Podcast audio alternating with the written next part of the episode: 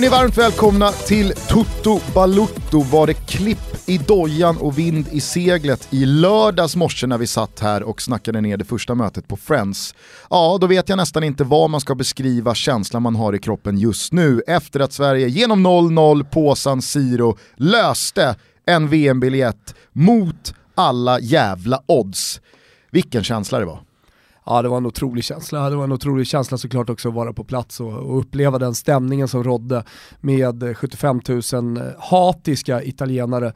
Och eh, ja, de, de, det tusental, höll på att säga, var väl ett par tusen svenskar också som hade fått biljett eh, som, eh, som höll låda både innan, under och efter matchen. Det var i landslagssammanhang, eh, jag vet nu har jag varit på en del eh, ganska feta matcher, mästerskap, och, men, men eh, aldrig riktigt med den utgången, alltså med den glädjen efter.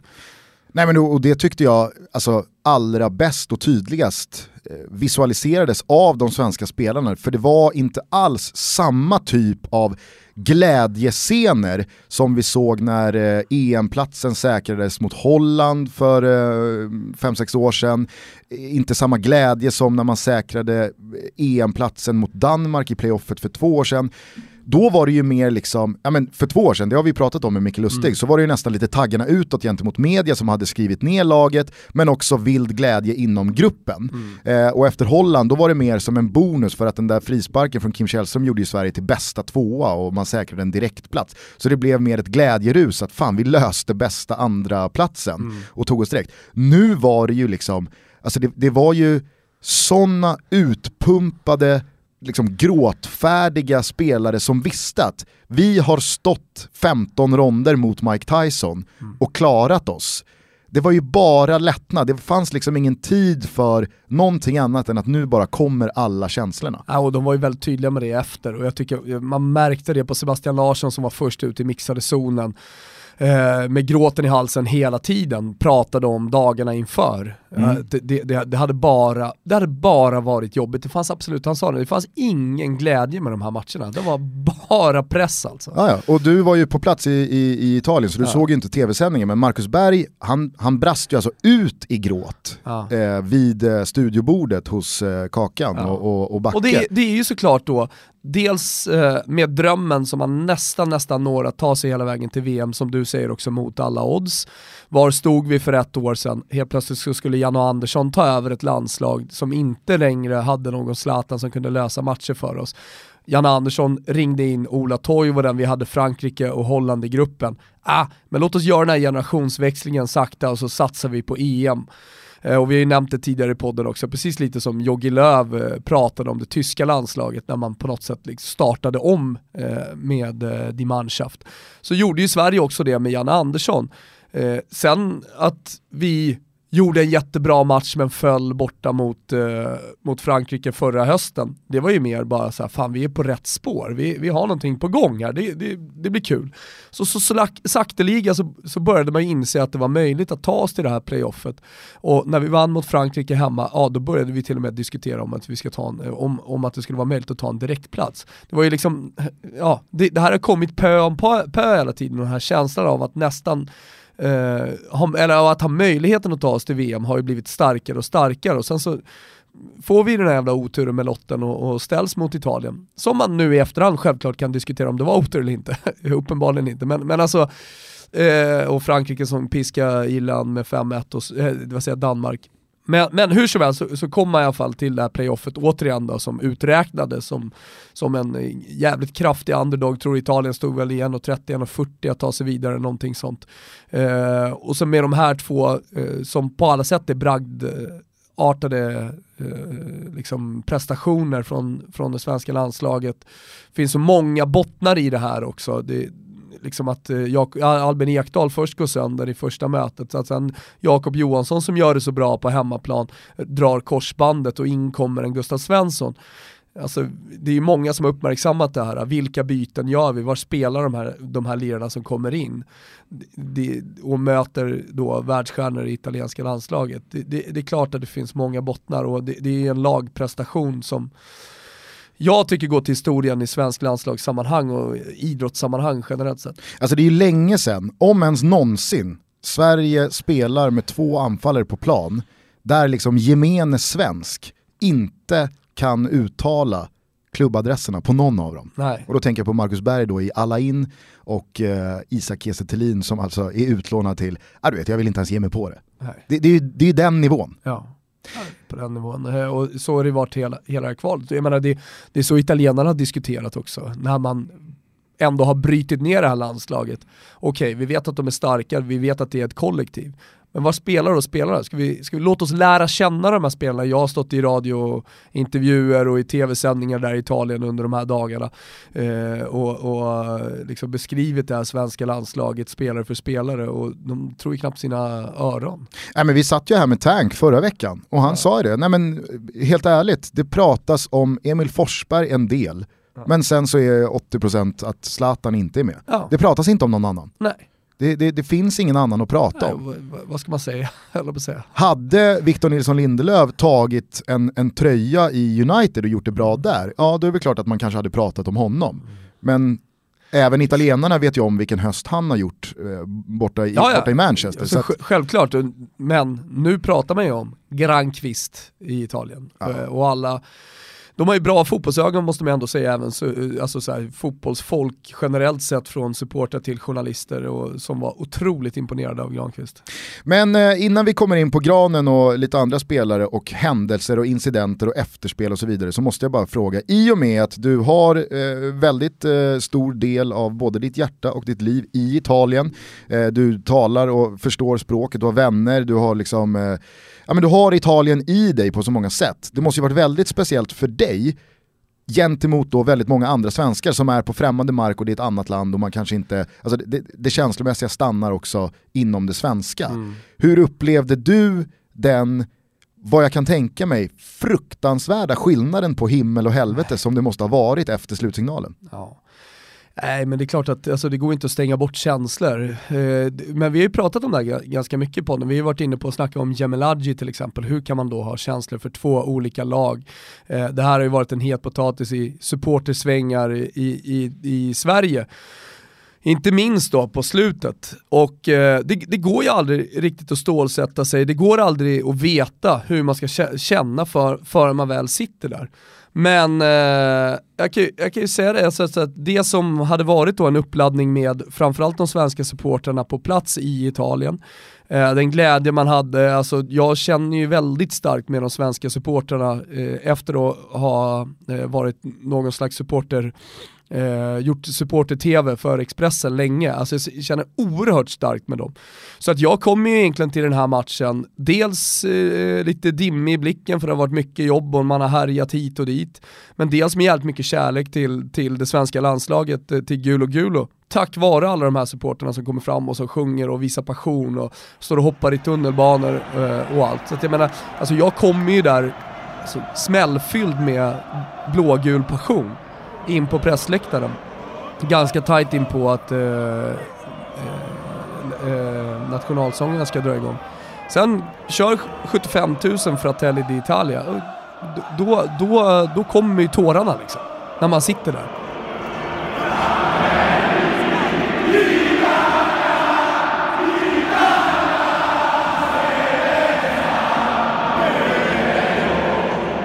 Och det blir en känslostorm in, inuti igen. Alltså jag känner ju dels för de 2 500 eller vad det nu är som står och hoppar och sjunger kanna på. Och sen känner jag så jävla mycket för italienarna som står, eh, står upp och skriker ut nationalsången. Det är ju bland det, är ju bland det, bland det värsta faktiskt eh, positiv bemärkelse jag varit med om. I, vad det gäller liksom live eh, Live-fotboll. 75 000 som sjunger den italienska nationalsången och som har hat, kärlek, eh, de har eh, passion, eh, de har en jävla vilja nästan som att de är nere på planen och ska, ska möta det här fysiska svenska landslaget.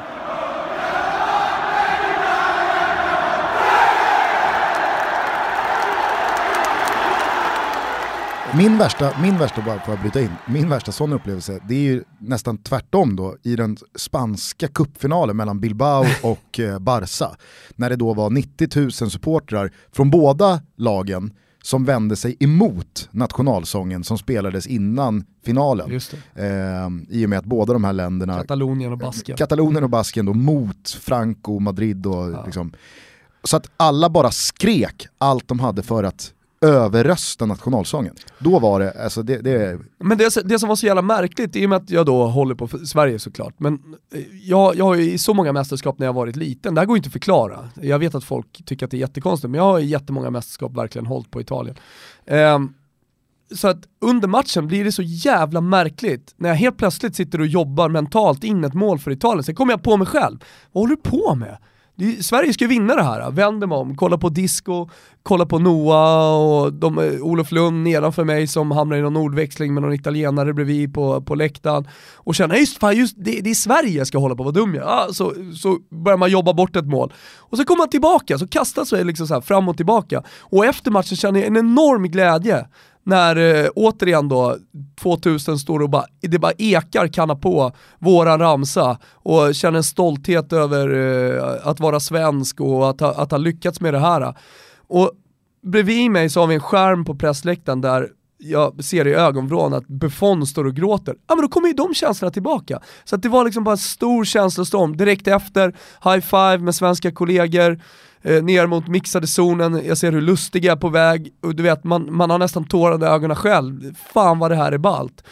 Och sen så vänder man om så står Tancredi, andra, eh, Monica och sådana som jag lärt känna där nere och, och, och gråter liksom för att det italienska det är den största tragedin i, inom italiensk fotbollslandslagssammanhang. Så du vet, hela tiden kastas jag emellan. Men, men jag skulle ändå vilja avsluta det, liksom för att beskriva känslor, jag skulle vilja avsluta med att det, det, är klart att jag med distans till det här känner framförallt för det svenska landslaget och den bragden som Janne Andersson och spelarna har stått för. Självklart, det råder liksom inget tvivel om det. Men det är ändå intressant hur man då kan kastas mellan de här känsla. Jag visste ju inte hur det skulle bli heller. Jag gick ju och stålsatte mig mot det italienska, gick in och bara nu jävlar, nu ska vi ta det här Sverige. Men det, känsla kom ändå. Tårarna kom ändå för det italienska landslaget. Det, det var konstigt, det hade jag inte förväntat mig. Nej. Eh, ska vi bara kort eh, ta eh, de största nedslagen i själva matchen? Ja. Alltså det, det som var mest anmärkningsvärt måste jag säga med den här matchen, det var ju att det inte blir straff, åt något håll. Ja, vi... Helt sjukt! Ja, det är väl fem straffar va som... Eh, alltså det hade inte varit konstigt om det hade blivit fem straffar. Nej. Eh, och, Sen vet jag ju, jag, hade första straffen hänt då hade inte de här situationerna uppstått och så vidare. Såklart. Men, Ja, men, eh, vi, har ju, eh, vi har ju eh, nått en väldigt eh, gemytlig och härlig eh, relation med Mikael Lustig då, ja. de senaste månaderna. Och så diskuterade vi lite om de här straffsituationerna i, eh, på, på sms igår. Och då frågade jag om då den kanske tydligaste straffen, eller straffsituationen i den här matchen. När, jag tror att det är Kandreva som slår ett eh, överlångt inlägg mot Darmian, Lustig går upp, missar bollen, vänder sig om i luften, eh, tar då bollen först med handen och sen så trycker han ett knä i någon slags liksom, tryckspark fast med knät, rätt in i Darmians bröstkorg. Inte nära är, bollen. Nej, alltså det, det, det, är, det är helt... Stor som solen den straffen. Ja. Då frågade jag Lustig igår så här. men du, vad hann du tänka när signalen kom efter att du tryckt knät i Darmians bröst? Allt stod stilla då. Och svarar Lustig. alltså, 100% straff. Jag var livrädd. Först hands på mig, sen knä i bröst. Haha.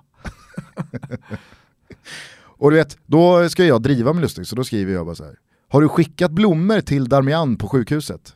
Tre brutna reben hörde jag.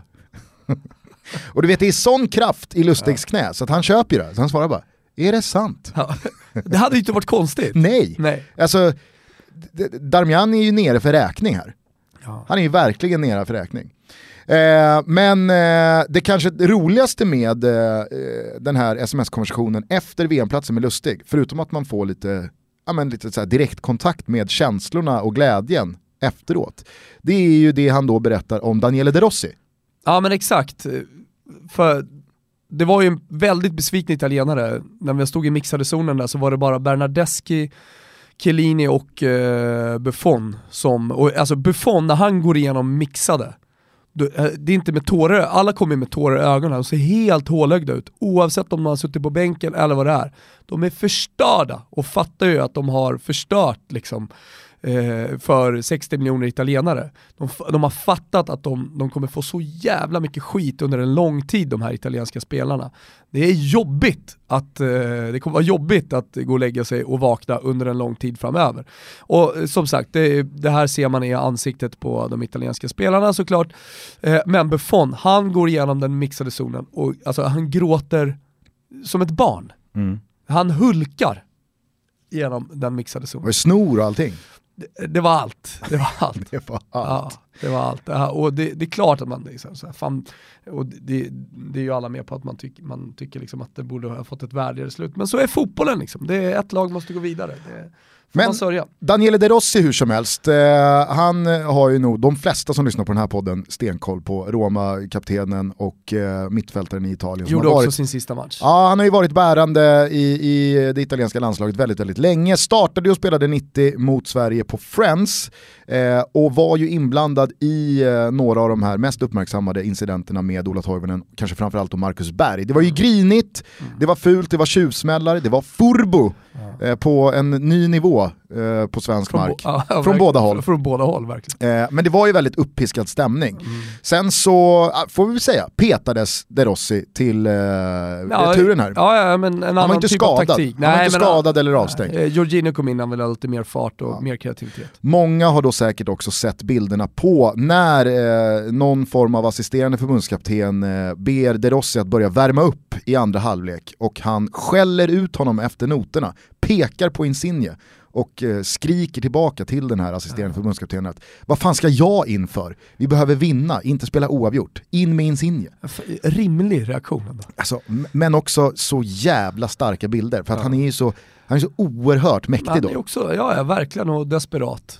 Eh, De Rossi var ju också då en av spelarna efteråt eh, när Italien då eh, missar VM som annonserade sitt eh, avsked från landslaget. Man kan ju tänka sig också att han var outgrundligt besviken. Och så fanns det ju då det här att han inte heller spelade utan det, det sista han gjorde var förlusten på Friends där det blev ganska grinigt. Så här. Vad berättar då Micke Lustig? Jo, när allt har lagt sig, när den mixade zonen har ebbats ut till ingenting och eh, de svenska spelarna sitter på bussen från San Siro mot hotellet, då kliver Daniele De Rossi upp på bussen och eh, ber om ursäkt för sitt beteende under fredagsmatchen och gratulerar alla spelare till VM-platsen, hälsar att han tycker det var välförtjänt och återigen då, jag ber om ursäkt för eh, att eh, jag betedde mig osportsligt. Ja, och Mikael Lustig skrev ju det också tillbaka till oss, alltså vilken man, ja. vilken grej att göra.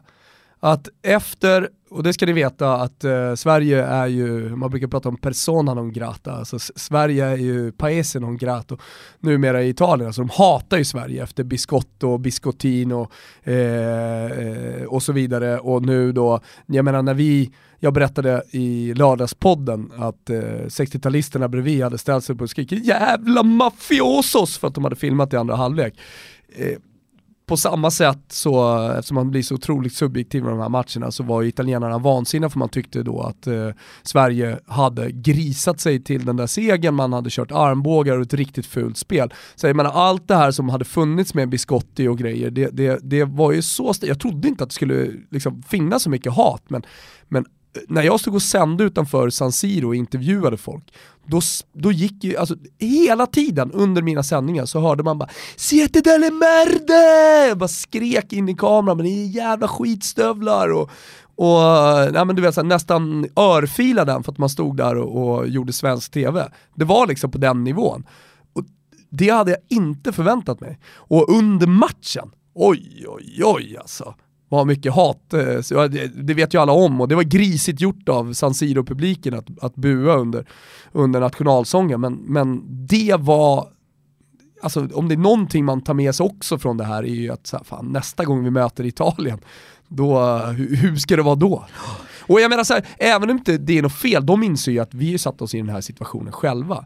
Så, så blir ju även de här känslorna starka och Sverige blir någon slags hatmotståndare och kommer vara så för en ganska lång tid framöver tror jag. Mm.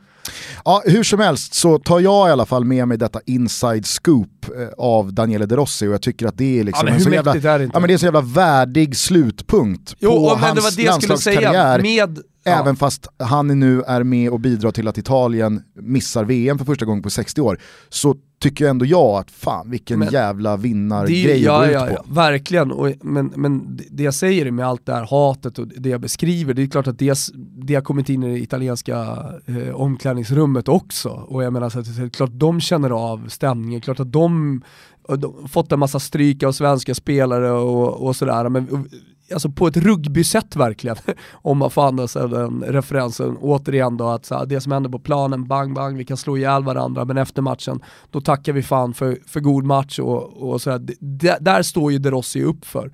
Sportsmanship, fair play, Uh, och visar att han är en stor människa. Mm. Uh, fan, gå upp i den svenska bussen i det läget med med den vreden, med den, den sorgen som han ändå måste känna. Skammen. Och skammen också inför alla italienare som, som har sett den här matchen och att missa det här, vi har varit med och missat det här världsmästerskapet. Och då gå upp på den svenska bussen och ta det snacket och klappa om de svenska spelarna och mm. tacka det. Man vet ju också hur knäpptyst det blev när De Rossi kliver upp i bussen.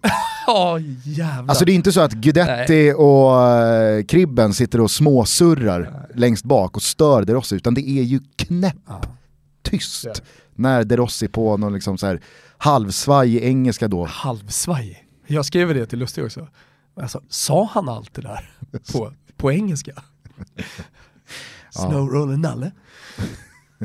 ja, nej, otroligt eh, av eh, Daniele De Rossi och eh, fint ja, att få ta med sig. schnitzel till honom. Det finns många att skicka schnitzlar till. Jakob Johansson, svenska landslaget, Janne Andersson, Albin ja, Ekdal, Micke alltså Lustig och så vidare. Schnitzel, schnitzeln i Toto Balutto ska ju inte vara någon sån här krya på dig bukett. Nej. Det är snarare det man vill ge Jakob Johansson, för fan! Ja. Vilket jävla öde. Han är liksom den som kommer från ingenstans rätt in i det här kvalet. Ni kommer säkert ihåg att han inte hade varit med i trupperna innan Frankrike borta. Kommer in i den truppen, går rätt in i startelvan, gör en jävla monstermatch där på mitten, om en förlust. Och sen dess så har han känts tokgiven ja. centralt. Och är ju då också den som dessutom gör det här playoff-mötets enda mål. Mm. Och så drar man korsbandet. Och visst, det finns väl mirakelåterhämtningar eh, att peka på, men drar man korsbandet i mitten av november, det ska mycket till för att man ska vara fit for fight i juni. Ja, så, såklart, såklart. Så att, eh, eh, i all den här glädjen och euforin så måste jag, måste jag säga att jag, jag känner ju mer för Jakob Johansson och hans dragna korsband än vad jag gör för Buffons tårar. Mm. För mig är det liksom så här, jag kan hålla isär de sakerna. Jag skriver under på allt som eh, väldigt många i sociala medier har basunerat ut kring Buffon och vilken stor människa och vilken personlighet och vilken fantastisk karriär. Det finns ingenting att säga om det. Men att Buffons tårar och det sorgliga i att det nu är slut för Buffon på landslagsnivå, att det på något sätt skulle grusa min eufori över att Sverige är i VM, det, det kan jag faktiskt inte ställa upp på alls. Buffon är fan 40 bast, han har vunnit VM-guld, han har spelat fem VM. Liksom. Alltså, din tid Man vill ju kommen. alltid ha ett fint slut, men det är jävligt sällan man får det. Fast fick han inte det då? Va, va, vad skiljer det här slutet mot att Italien åker i en kvartsfinal i VM? Jo, jag säger bara så att drömslutet är att han vinner VM och sen så, eh, tack och hej. Jo, men han är, vet du vad, han är fortfarande kvar. Jag jo, men du förstår vad jag menar. Jag alltså, fattar precis här, vad du menar. Vad är skillnaden på ja, det här slutet och att ja, nu, liksom nu åka i kvarten? Nu får man hålla tummarna då för alla Buffon-fans. Och så här. Han har fortfarande chansen att sluta på topp, dels med Scudetto, dels med en Champions League-titel. Det, det, det, det, finns en klubblagsfotboll där också. Håller vi tummarna för det? Nej. Nej, det gör Vad, vi vad, vad, är det, vad är det att hålla tummarna för? Det, det blir vad det blir. Jo men det är det här jag menar, alltså så här, vad fan Buffon är, vad- är han 38 bast? Ja. Ja. Alltså, jag, kan, jag kan säga så här, jag känner ju jävla mycket mer med Daniel Sundgren som just nu sitter i en jävla knepig sits med, med blodpropp i lungan och allt vad det är och en oviss framtid och så vidare och så vidare. Fan det är klart jag känner ännu mer, alltså där om något, en spelare som inte har tjänat några, några stora pengar på sin fotbollskarriär, var mitt uppe i, det börjar bli utländska klubbar som är intresserade, kanske kan casha in några miljoner eh, vad det lider liksom och, och få ett jävla fint slut på sin karriär. Som nu sitter i en oviss, där, där lägger jag mig och gråter på kvällen för han skulle gärna. Men, men som du säger, alltså det är jättesynd och det, det är starka känslor med Buffon, precis som jag precis nämnde. Jag, jag satt ju där också med tårar i ögonen när han, när han kör efter matchen och intervjun direkt när det är slut. Men, Inte men, jag. Men nej, det är klart. Nej men vi, alltså så här, i just fallet Buffon så unnade jag ju honom mycket mer att få vinna Champions League i våras. Han har gjort vad då? 18 försök att vinna Champions League, eller 16 försök att vinna Champions League. Aldrig lyckats. Nu var han liksom i sin kanske sista final. Är det någon jag kan unna att få lyfta den där pokalen efter så många långa år så är det Buffon. Men att ta sig till ett VM igen. Va, alltså jag, jag, jag, jag kunde inte känna så här, fy fan vad jag alltså hade unnat Buffon hade de- att få spela ett ja, VM hade de, hade de grejat det här, tagit sig till VM, då hade ju inte Ventura fått sparken, utan han hade ju såklart fortsatt till efter, efter VM. Ja. Och vi kan, vi, vi kan väl vara alla ganska överens om att Italien inte hade vunnit något VM-guld. Nej, Nej. exakt. Så att, nej, Buffon. Ciao. Ciao Gigi! Nej, grande Gigi, grandissimo. Vi är fortsatt sponsrade av våra polare på Betsson och nu tycker jag alla ska spetsa öronen. Det är nämligen så att i dagarna så lanserar vi en eh, quiz, en frågesport med riktigt fina priser i potten. Dels så ligger det biljetter till den 6 december Bra biljetter. och avsnitt 100 i potten. Men dessutom så har eh, Betsson eh, slängt in en jäkla massa Fifa 18 i det här quizet och i prispoolen också. Va? Eh, och det är givetvis fotbollsfrågor som man ska svara på. Det är väldigt enkla instruktioner så att när det väl är dags så är det bara ligga tätt på knappen och trycka av för att eh, mäta sig med alla andra om eh, vem som kan svara på flest Det fotbollsfrågor. finns ju prestige i det här som alltid också när det gäller quiz. Såklart, det är inte bara biljetter till hundringen och Fifa 18 man tävlar om. Utan det är ju givetvis, kanske först och främst, tävlan, eller äran att kunna säga att eh, jag kunde mest. Så är det. Eh, nya Toto-tripplar också att vänta till helgen. De kommer vi eh, puffa ut eh, dels via våra sociala medier, men också i avsnittet med Patrik Westberg som kommer i övermorgon. Mm. Så. Eh, tack till eh, Betsson. Nu är det dags Gusten, det finns ingenting att vänta på längre. Fix My Phone är vår sponsor och de är det någon vecka till. Man får just nu 10% rabatt om man går in på en Fix My Phone-butik. De ligger ju sådär lite centralt i köpcentrum. Eh, man får också en bankkird-håller som man kan sätta bak på telefonen så man har koll på kort och alltihopa. Man får det som sagt med 10% rabatt, redan förmånliga priser. Tar bara 30 minuter så man kan enkelt då gå in i sina favoritbutiker, kika lite och så, så kommer man ut så är telefonen lagad. Vänta inte längre hörni, utan eh, gå till er närmaste Fix My Phone och lös detta. Hur eh, hittar man då till, till sin närmaste? Jo, man går ju bara enkelt in va, på fixmyphone.se. Yes! Och man når alltså allt det goda med det här erbjudandet genom att kliva in i butiken och säga Dodo Baluto. Exakt, det är inte svårare än så hörni. Och ni som eh, har företag, chefer och allt, allt möjligt, som har slarviga anställda, jag är ju en av dem va, på eh, Expressen.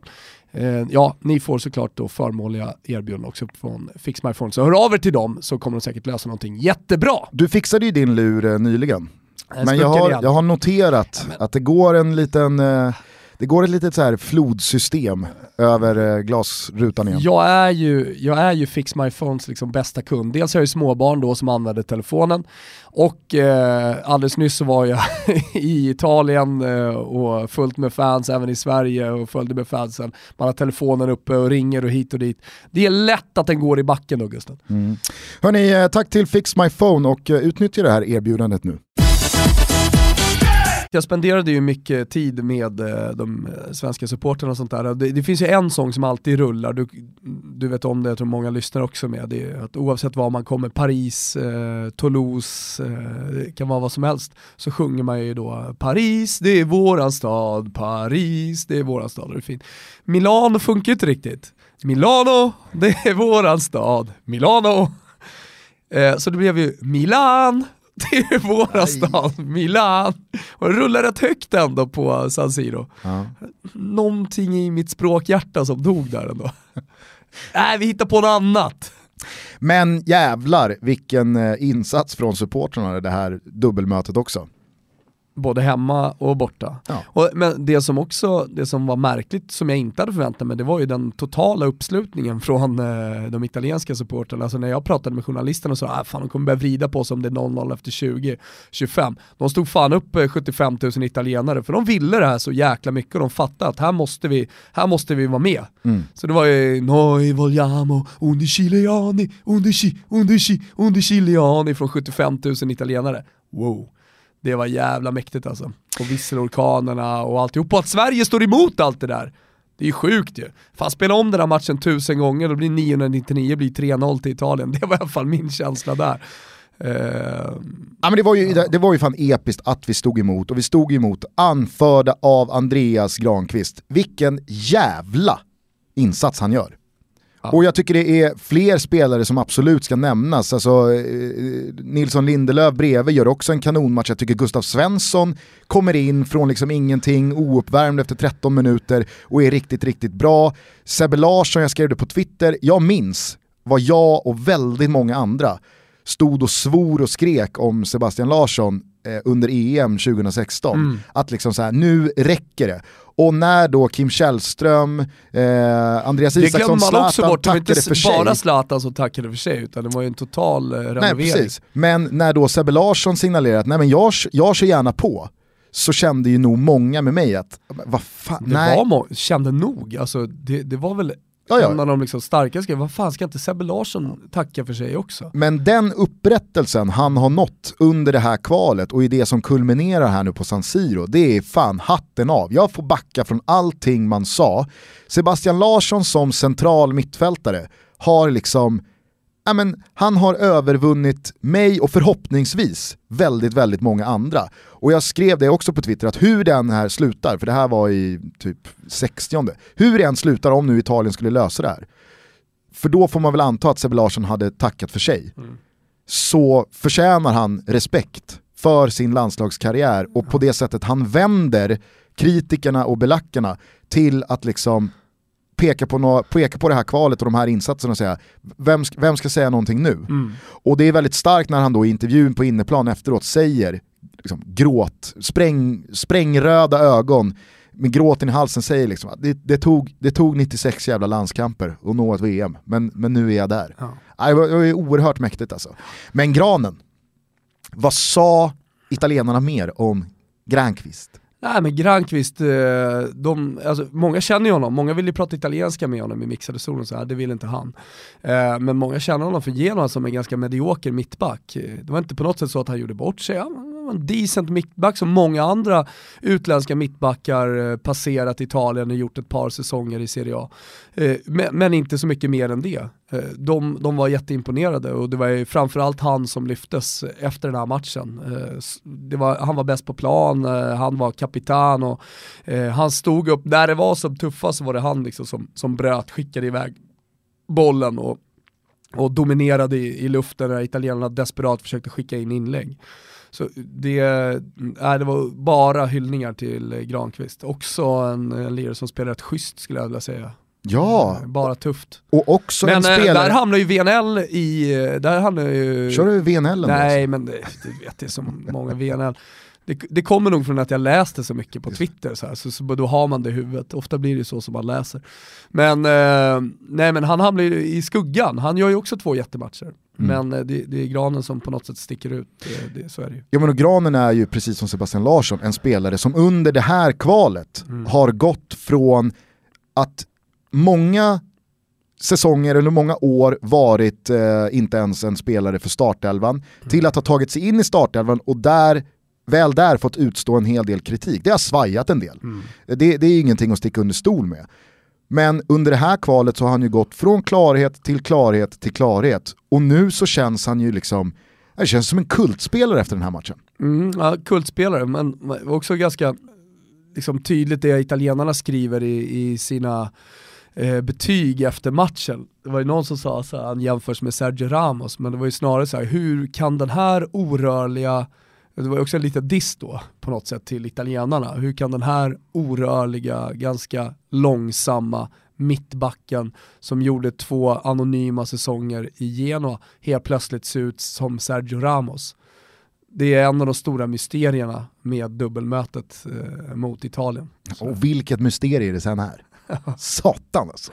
Ja men då är väl, då är väl just att liksom Gustav Svensson av alla spelare kommer in på San Siro med det trycket som är och allt det som jag har beskrivit går in och, och håller fortet. Man såg ju direkt alltså, första bollmottagningen, pang, tappar den lite för långt ifrån sig, första steget, vet, det är ett annat steg i Seattle. Alltså det, det, är ett annat bolltempo, det är ett annat tempo i, i, i allt. Man ser ju att ah, håller han verkligen för den här nivån? Men sen med smartness eh, framförallt då, hålla position och ändå, ändå stå emot den här italienska anstormningen gör han ju otroligt bra. Mycket av efterspelet kom ju också att eh, handla om eh, Zlatan. Huruvida han nu ska in i en VM-trupp eller inte. Jag känner att det var ju alltså, Mino Raiola som hade mässat tror jag till en av mina kollegor på Expressen. Att så här, om, jag, jag ska minsann släpa honom till EM eller någonting sånt. Jag, ska nog se jag levererar honom jag, personligen. Ja, så var det väl kanske mm. han skrivit. Nej, men jag kände bara det var det jag skulle säga, jag tycker inte ens eh, att, eh, jag går på Janne-spåret här. Alltså den diskussionen kan du och jag ta någon annan gång, lite senare. Ja. För just nu så känns det roligare och mer passande att prata om den matchen som faktiskt spelades. Ja, och, sen, och det vi faktiskt sen är det som alltid, man ska ju hålla gruppdynamiken och eh, det ska finnas kvar allt det här som Janna eh, byggt upp. Om det är, jag menar, nu när det är så jämnt kvalitetsmässigt med, med, med våra spelare, våra proffs ute i Europa, vi har pratat om Sam Larsson, eh, vi har pratat om Danne, utrikeskorrespondenten. Och, Helvete all... vad man hade mått med Danne på plan efter en timme. Jo men alltså tänkte han istället för Kiese Thelin, det var ju som någon skrev på Twitter, alltså, det, det är ju två, ba två baljor för Sverige liksom, med, med Danne på planen. Ja, sen, sen, är ju, sen är vi liksom jäv i målet ah, här, såklart. Det var som någon skrev till mig också, ja. jag skrev innan matchen, så här, kan inte släppa tanken på ifall vi hade haft eh, Danne på planen idag. Sluta runka upp honom. Var bara. Ja. Jag förstår, jag, jag, är på, jag är på hans sida på något sätt. Men det blev ju precis den matchbilden som helt ärligt Danne är den mest lämpade svenska anfallaren out there som, som finns. Ja. Alltså så här, det, det, det, hade ju passat honom som hand i handsken att bara ligga och fiska där. Och då hade vi kunnat nå en jävla helg då. Ja. Då hade Löfven kunnat basunera ut från någon extrainsatt PK på Rosenbad. Vad var det du tänkte att han skulle säga? Imorgon går vi inte till jobbet. Exakt. Imorgon, svenska folket, så går vi inte till jobbet. För nu har Perus, är det president? Ja. ja Perus president har ju hakat på samma tåg som Panamas dito. Ja. Eh, Peru spelar ju en avgörande kvalmatch ikväll va? Ja, de möter Nya Zeeland, fick 0-0 borta. Ja, han har eh, gjort det klart och tydligt att löser vi det här, då är det Helda. Då är det Helda imorgon. Röda. Ja, det är som man hoppas på Peru. Ja, vilken eh, svensk politiker hade varit närmast att basunera ut Helda? Eh, det är väl Anders Borg. Anders Borg. Ja, eller? Ja, kanske. Fått lite feeling. ja, precis. Den som får mest feeling. Ja, kanske. Ja, men hade Fredrik Reinfeldt varit liksom eh, tjänstledig när Sverige hämtar 4-0 till 4-4 borta mot Tyskland. Så hade väl, det var väl Anders Borg som då hade klivit in som liksom, tillfällig statsminister, ställföreträdande. Han hade ju kunnat fått feeling då och bara, fuck it, vi kör röd dag. Ja. Jo men på tal om då att det är jämnt i, i kvaliteten, det skulle komma till, det är att det är ändå många som knackar på dörren. Nu tror jag att Janne kommer försöka vilja behålla det ganska intakt det här landslaget som ändå har gjort det. Känns som att han känner så stor tillit eh, och stolthet och att det är många som är värda ett mästerskap sen också för att de har varit med och tagit oss dit. Så det kommer nog vara svårt att slå in sig i den här truppen. Men jag menar vad händer om Alexander Isak gör tio mål för Dortmund? Eh, vad händer om Sam Larsson bara växer ut och, och blir hur bra som helst. Ja, vad Men händer, även om, andra vad spelare. händer om Carlos Strandberg gör en kanon januari-turné och sen eh, inledande tio omgången i Ja. Allsvenskan skickar in 11 kassar? Ja, och vad händer om Zlatan Ibrahimovic kommer tillbaka och är överjävligt bra under hela våren för ett Manchester United som går och vinner ligatiteln? Nej, det kommer de inte göra, men, men går till semifinal i Champions League. Eller, ja, vem det nu är. Mm. Eh, så ser jag bara att det, det är en helt speciell situation som just Sverige eh, sitter i. Just med den här stoltheten som är helt övertygad, som Janne känner för alla spelare. Eh, och det kommer vara angenäma problem, men, men också en hel del huvudbry när den här truppen ska tas ut. Eh, och, och Och en spelare som bollades upp faktiskt Ja, eh, det var dit jag skulle komma. På, på Twitter till mig för eh, några timmar sedan, om det var igår, eh, det, det, var ju, det är ju Pontus Wernbloom. Ja, men Jakob Johansson korsbandsskadad med stor sannolikhet missar mästerskapet oavsett hur snabbt han kommer tillbaka så är det förmodligen inte i någon stor form. Eh, sen om man får, man får hitta någon annan roll åt honom för att vara schysst, det vet jag inte hur man jobbar på det sättet. Men, men vi har ju ett problem på centralt mittfält. Eh, och Pontus Wernbloom just nu spelar i ett ryskt eh, topplag. Och jag säger med betoning på ryskt topplag. Jag vet inte vad det ger, jag vet inte om det är någonting positivt. Men någonting säger mig ändå att det är lite positivt att spela i den ryska ligan när mästerskapet eh, ändå ska spela till Ryssland. Kanske inte betyder någonting, Nej, ingen inte- jävla aning, men inte han bara är där. det, han är ju ordinarie i ett lag det- som också jo, spelar i Det är det Champions jag ska League. säga, han, han är det, han är inte bara ordinarie, han är nyckelspelare i CSKA Moskva. Eh, och ju dessutom börjat göra mål på slutet och massa knasiga grejer och skulle ju såklart stärka vårt mittfält. Mm. Med, Sen så, finns det, ju- sen så finns det ju självklart eh, namn som bollas upp. Jag menar en, en, eh, en skadefri Albin Ekdal, han går ju rakt in i elvan. Sebbe Larsson har vi redan pratat upp. Gustav Svensson är trots allt ändå bara inom citationstecken Gustav Svensson. Där finns Oskar Hiljemark, Alexander Fransson, Absolut. AIK bollar säkert upp Kristoffer Olsson här som någon eh, coming gör en man. monster eh, i alltså inledning av allsvenskan. Vi har en Oskar Lewicki som eh, startade i Sverige så sent som i senaste mästerskapet. Så att det är väl klart Vet att det du vem finns som inte kommer nämnas? Vem som Ah. kommer bli helt bortglömd i den här diskussionen? Oförtjänt bortglömd. Inrikeskorren. Eller? Han, han hade ju varit ett bättre alternativ än Gustav Svensson. Kanske. Ja. Eh, nej, men, eh, Gustav gjorde jättebra, det ska jag inte säga. Men, eh, men eh, jag tror att det var Disco som sa det bredvid. Fan, här skulle ju Fribben in. Eller någonting sånt. Skitsamma, det, det är väl ungefär samma nivå. Men den som kommer glömmas bort, det är ju Simon Tibbling. Ja, Han var hur bra som helst i Bröndby. Ja. Och göra mål, han är, han är också ett bra alternativ för att han kan spela på alla möjliga olika mittfältspositioner. Mm.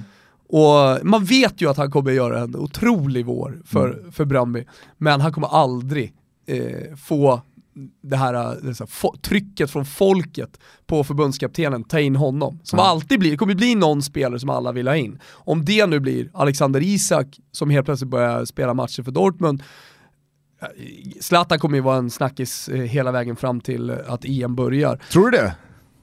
Eh, kan vara så va? Eh, Zlatan, eh, snackisen. Eh, jo, alltså, per definition så är Mm. han ju det. Nej men Toto Balotto bollar väl upp Pontus Wernbloom här i alla fall. Och Simon som- Tibbling fan! alltså, slår ett slag för Nej. Tibbling. Nej, Toto Balotto bollar upp icke-efterfrågan Ja, okej. Ja. av Simon Tibbling Ja, okej. som en grej. Ja. Eh, nej men eh, Pontus Wernbloom, absolut. Eh, sen så beror ju det också kanske mycket på lottningen som nu kommer. Skulle Sverige hamna i en tuff grupp eh, med, med två matcher där det är liksom, okej, det här kan bli jobbigt. Då tror jag att eh, Pontus Wernbloms aktier stiger Mm. och chanser ökar. Men det är så jävla märkligt med den här, eh, den här rankingen på landslag. Jag menar vi skulle kunna hamna i en grupp med ja, men Peru, eh, vi skulle kunna få Panama och eh, vad har vi för svaga lag i den första sinnesgruppen? Ryssland. Ryssland till exempel. Ja, Mm. precis. Alltså så här, Ryssland, Peru, Panama. Samtidigt som man då kan dra... Krav på åttondelsfinal. Man kan dra Eller Tyskland, eh, Tyskland eller Brasilien från eh, pott 1, men sen så ligger Spanien och guppar i pott 2. Precis. Det är inte speciellt roligt heller. Nej, det, det finns alla möjliga olika scenarier. Men jävlar vad peppad man kommer vara på den där eh, lottdragningen om Ja. eh, drygt två veckor va? Ja men det är ju, vi har pratat lite om de här lottdragningarna som inte alltid är så jätteroliga. Men eh, är det någonting som man ser fram emot så är det ju ett VM. Eh, en lottning inför ett VM. I vår bransch är det också lite extra roligt att då sitta och hålla lite utkik efter vilka journalister med kopplingar till vissa länder som i den här lottningssituationen sitter och håller tummarna för att det ska bli Sverige. Det är ju en ruskig ökning på, på tal om efterfrågan, på då jobb. Ifall en journalist här i Sverige eh, som är svensk men kanske har eh, koppling eller bakgrund eller... Jag vet vad du tänker på nu, framförallt iransk fotboll. Nej, alltså det, det, det, givna, det hade ju varit ifall Irland hade löst Danmark igår och eh, fått Sverige i gruppen. Då hade ju Philip O'Connor varit liksom, han hade ju varit hett villebråd. Oh, exakt, han hade suttit och hållit sådana tummar på ytterligare ett mästerskap då, där är Sverige mot eh, Irland, men Irland, vilken deppig alltså. Skicka en sån gulaschlev rätt över hela Irland. Va? Alltså, vilken jävla fotboll. Alltså dödgrävarfotboll. Jo men det är ju på en ny nivå, det är inte ens bra dödgrävarfotboll. Nej exakt, alltså, jag, jag, är ju ibland, jag, är ju ibland, ja, jag är ju ibland, ganska ofta, en, en vän av liksom, ja, men knock David mot Goliat ja, knock it long och, ja. och, gnugga. Jobba efter förutsättningarna. Mm. Men det som Irland presterar igår mot Danmark, i ledning 1-0, äh, det, det är bland det sämsta jag har sett. Mm. Det var ju alltså, så här, de kan ju inte själva ha känt att, fan, det här borde vi ha löst. Nej. Det, var, det, var ju, det var ju som, som, som vi pratade om här i morse på kontoret, alltså det, Christian Eriksen såg ut som fritidsledaren som gick på, på full patte ja. mot fritidsbarnen. Ja, faktiskt. Ja, det var sorgligt att se. Nej men eh, du förstår vad jag menar, alltså, skulle det bli eh, Colombia för Sverige, mm. då sitter ju eh, AIK Medias eh, Oskar Lindgren Ortiz, han sitter ju bra på det. Ja, han sitter jävligt bra på det. Eh, sen hade vi Persman Pers också Ja, Persman Pars, om Pars. nu eh, Sverige skulle få Iran, då ökar... Körde mer sydiransk eh, slang. Ja. Ja, uttal. Milan, det är våran stad. Eh, nej men så det, det, ska bli jävligt roligt också. Eh, är det något lag du eh, hoppas på? Jag tycker alltid att det är kul att möta brassarna, sen inser jag ju att det är, det är en svår eh, match såklart. Va, va, va, vad menar du med alltid? Jag tycker att det är kul att möta de här stornationerna. Jo, jo men alltså, här, det lät som att vi har lirat mot brassarna Nej, alltså, nej, förhoppning att få möta brassarna. Okay. Ja. Som alltid så finns det förhoppning att få möta brassarna. Jag vet inte, det är någonting med den där, med den där samba-traditionen som, eh, som jag gillar det är ja, häftigt. Ja. Äh, alltså, spontant så känns det som att senast vi mötte Brasilien, det var väl VM 94? Men gör ju ingenting om vi får Iran, kan vi få Iran? Ja, Eller är de i tredje? Nej, jag tror att de är i pott två. Ja, de är i pott två. Ja. ja, i och med att vi, Siavush, eh, Ramin Nouri, eh, Pars och så vidare. Man har ju många iranska vänner som dessutom jobbar i den här branschen. Det hade ju varit kul att få knäppa dem på näsan. ja, verkligen. Alltså, mardrömmen är i tysken. Alltså aldrig tysken! Det är 5-0. Det är 5-0 i baken, det vet man ju innan. Alltså det, där finns inte det här lilla hoppet som ändå fanns mot, mot Italien och mot Frankrike också. Ja. Alltså Frankrike, jag tar mycket gärna Frankrike än att ta den där jävla tysken. Ja, ja, herregud. Alltså, alltså, tysken, de bara... Du pratar om 999 gånger av 1000 så vinner Italien den här matchen alltså tysken är tusen av tusen. Ja, tysken är tusen av tusen. Vi kan försöka hur många gånger som helst. Alltså, Granqvist, kanske, Granqvist hade liksom, han hade varit Granqvist mot ja. Tyskland. Ja. Nähä, naja. det höll i 14 minuter. Ja. Sen kom 1-0, pang, Thomas Müller 2-0. Ja. Sen är det liksom bara en transportsträcka till, bara... till slutvisslan. Ja. Eller vad det heter på tyska, som jag älskar varje gång jag ser på Twitter. Schluschpfiff. det är ju kul. Slutvissla på tyska, Schluschpfiff. Otroligt alltså. Eh, hörni, det här har varit eh, Toto Balutto efter alltså att Sverige säkrade en plats i nästa sommars VM. Men kanske framförallt Toto Balutto efter att vi nåtts av informationen om att Daniele De Rossi alltså kliver upp på den svenska bussen, det blir knäpptyst och han ber om ursäkt för sitt beteende under fredagens match och gratulerar alla till en välförtjänt VM-plats. Kioma vi använder väl Micke Lustigs direkta ord, vilken jävla man. Ja. Eh, hörni, eh, köp biljetter till avsnitt 100, 6 december närmar sig med stormsteg. Det finns några få biljetter kvar, men eh, de går åt. Så att, eh, in på totobalutto.se och länka er vidare till eh, sajten där man eh, lägger vantarna på de här rackarna. Håll också utkik efter quizet som vi gör tillsammans med eh, Betsson. Det kommer snart, kan man vinna biljetter till den 6 december. Eh, och sen så vill vi väl skicka en hälsning till Business Event Network va? Det börjar bli dags för vår andra träff. Ja, inte bara till dem utan eh, tillsammans eh, från dem. Just det. Så är eh, hälsningen Det är också som så. till va? Sillen och Dobben ska ha sitt. Ja, alltså, de är älskvärda till 100%. Ja. Nej, men tillsammans med Business Event Network, vår samarbetspartner, så driver ju vi eh, affärsnätverket Ben Tutto. Ja. Det är nätverk... det bästa affärsnätverket som finns där ute. Ja, verkligen. Jävlar vad trevligt vi hade sist. Mm. Då var vi på sjö och land, eh, tittade på Holland, Sverige, hade lite frågesport, äh, käkade otroligt gott. Ja. Alltså. Äh, och hade det jävligt mysigt ihop. Nu är det dags för träff två, så att alla ni som eh, vilade på hanen med eh, att lösa ett medlemskap sist, gå in på totobalutto.se och eller eh, businesseventnetwork.se och eh, Eh, gör en intresseanmälan, efterfråga information om hur man löser en plats. Den 12 december är det dags igen i alla fall. Ja men in, in och eh, anmäl ert eh, intresse så kan ni också skriva där att ni vill att jag eller Gugge ringer upp.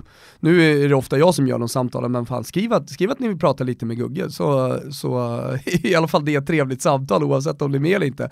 Eh, men, men alla bossar där ute, fan kom igen nu, häng på i Ben Toto! Precis.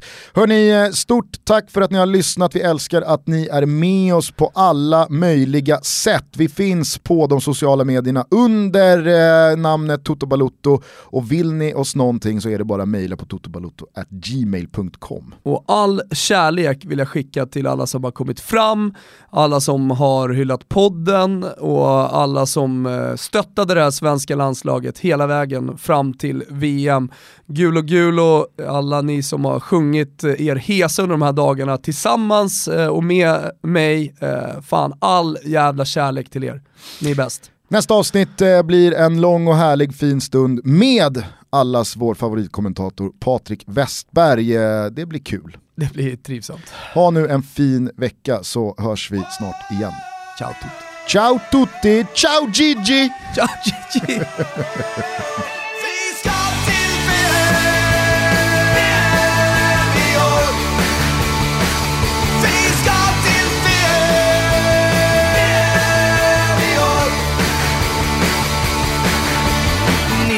fyra drog de till USA.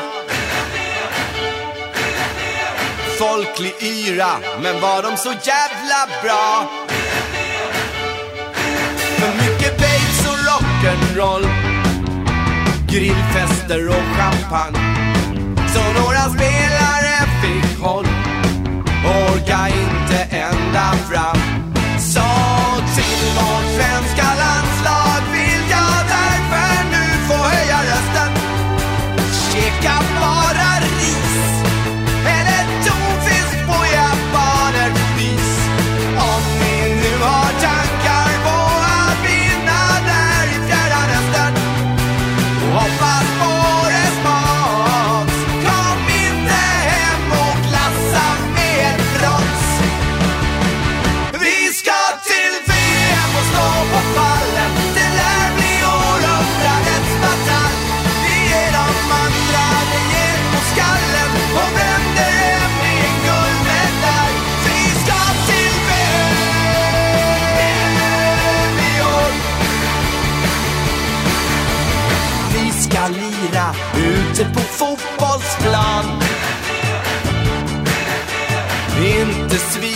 Bland geishorna ner på stan. Det sägs att Asiens mystik kan knäcka en stor talang. Så att han tappar sin publik och tvingas öppna restaurang. Så